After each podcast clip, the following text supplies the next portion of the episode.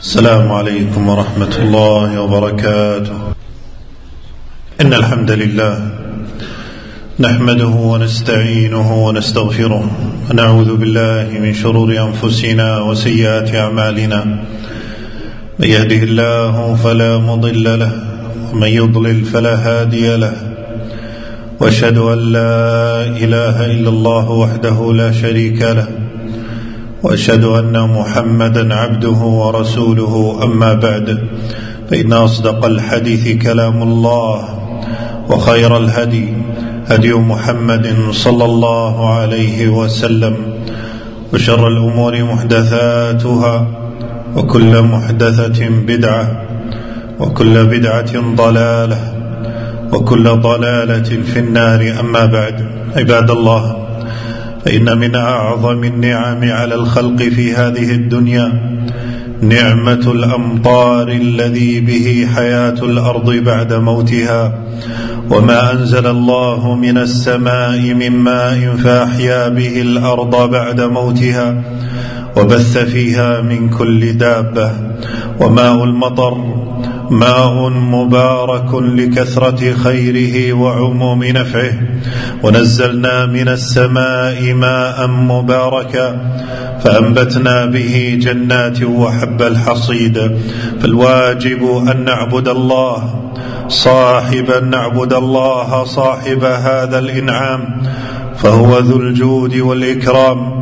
وأن نشكره على هذا الخير والجود ليمن علينا من فضله بالمزيد. وإذ تاذن ربكم لئن شكرتم لأزيدنكم ولئن كفرتم إن عذابي لشديد. عباد الله لقد ورد في شرعنا الحكيم عدد من السنن والأحكام المتعلقة بالمطر فتعلموها تأخذوا بها أجرا. فمن السنة إذا نزل المطر أن يدعو فيقول اللهم صيبا نافعا وأن يقول مطرنا بفضل الله ورحمته أو مطرنا برحمة الله وبرزق الله وبفضل الله. كما ورد في صحيح البخاري ولا ينسب المطر إلى النجوم والكواكب فإن ذلك من الكفر بالله تعالى. كان عبد الله بن الزبير رضي الله عنه إذا سمع الرعد ترك الحديث وقال سبحان الذي يسبح الرعد بحمده والملائكة من خيفته.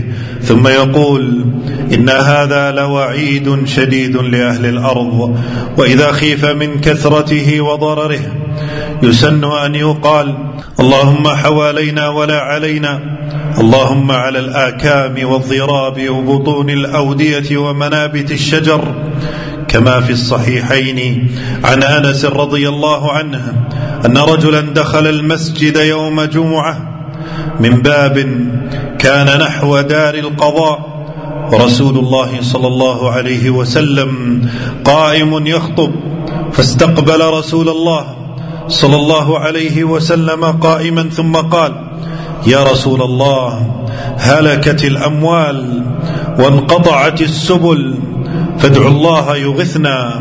فرفع رسول الله صلى الله عليه وسلم يديه ثم قال اللهم أغثنا اللهم أغثنا اللهم أغثنا.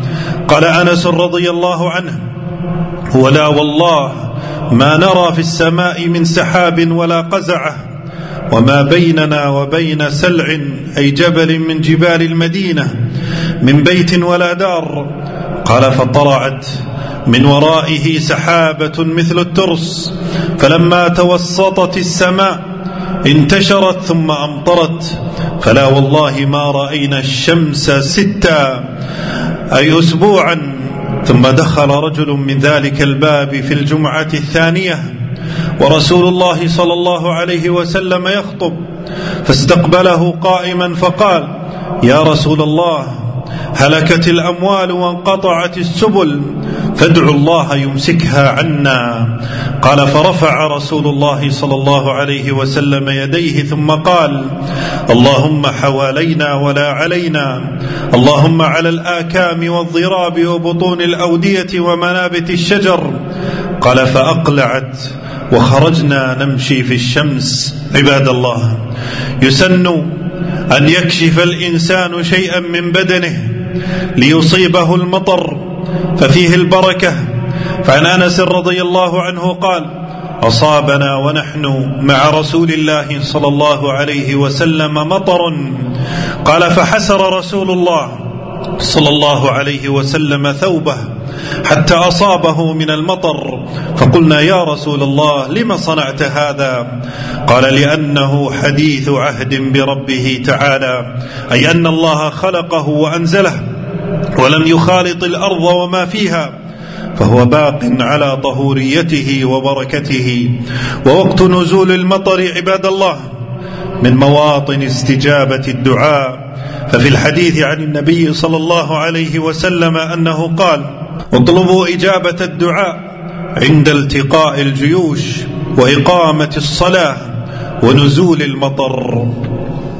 ويشرع عند نزول المطر الجمع بين الصلاتين وذلك إذا بلل المطر الثياب والأرض وكان هناك حرج على الناس كما قال ابن عباس رضي الله عنهما أراد ألا يحرج أحدا من أمته والمطر الشديد من الأعذار المبيحة لعدم حضور الجماعة في المسجد. ففي الصحيحين أن ابن عمر أذن بالصلاة في ليلة ذات برد وريح ثم قال ألا صلوا في الرحال؟ ثم قال إن رسول الله صلى الله عليه وسلم كان يأمر المؤذن إذا كانت ليلة ذات برد ومطر يقول ألا صلوا في الرحال. أقول ما تسمعون وأستغفر الله العظيم لي ولكم من كل ذنب فاستغفروه إنه هو الغفور الرحيم.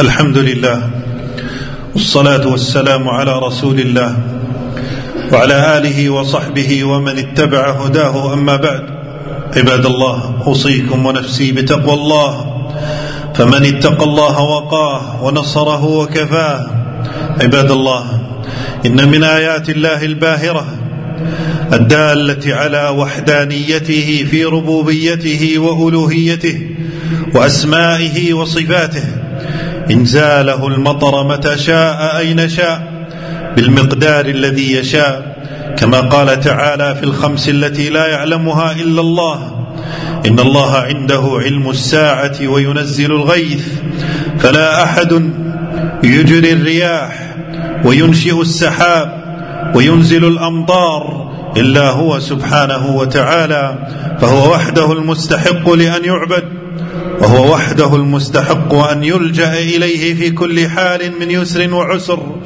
ونفع وضر. عباد الله إن الله عز وجل كما يجري الرياح نعمة فقد يجريها نقمة وكما ينزل الغيث رحمة. فقد ينزل المطر عذابا ونقمة.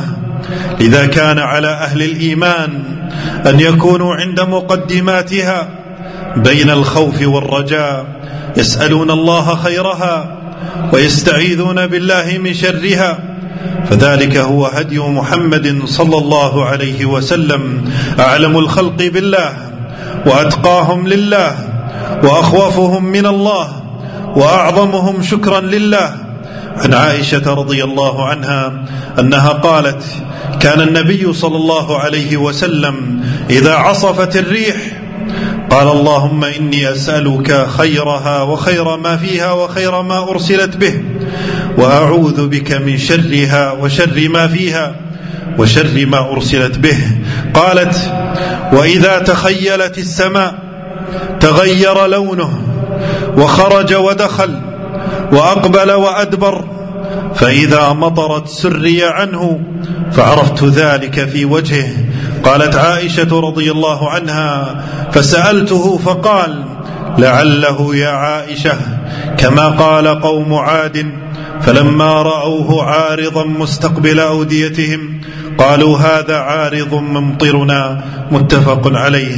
فهذا نبيكم صلى الله عليه وسلم.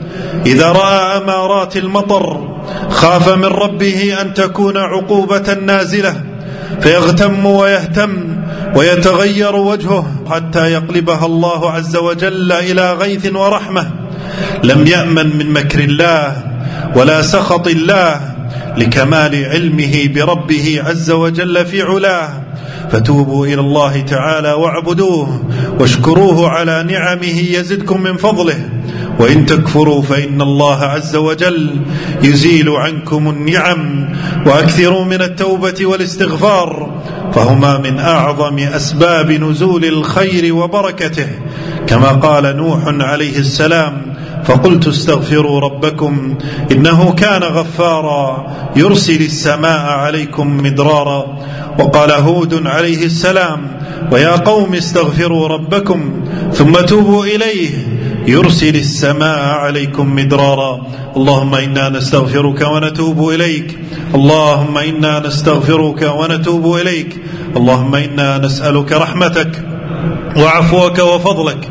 اللهم إنك عفو تحب العفو فاعف عنا. ربنا آتنا في الدنيا حسنة وفي الآخرة حسنة وقنا عذاب النار. اللهم اغفر للمؤمنين والمؤمنات والمسلمين والمسلمات الأحياء منهم والأموات ربنا اغفر لنا ولوالدينا وصلى الله وسلم وبارك على نبينا محمد.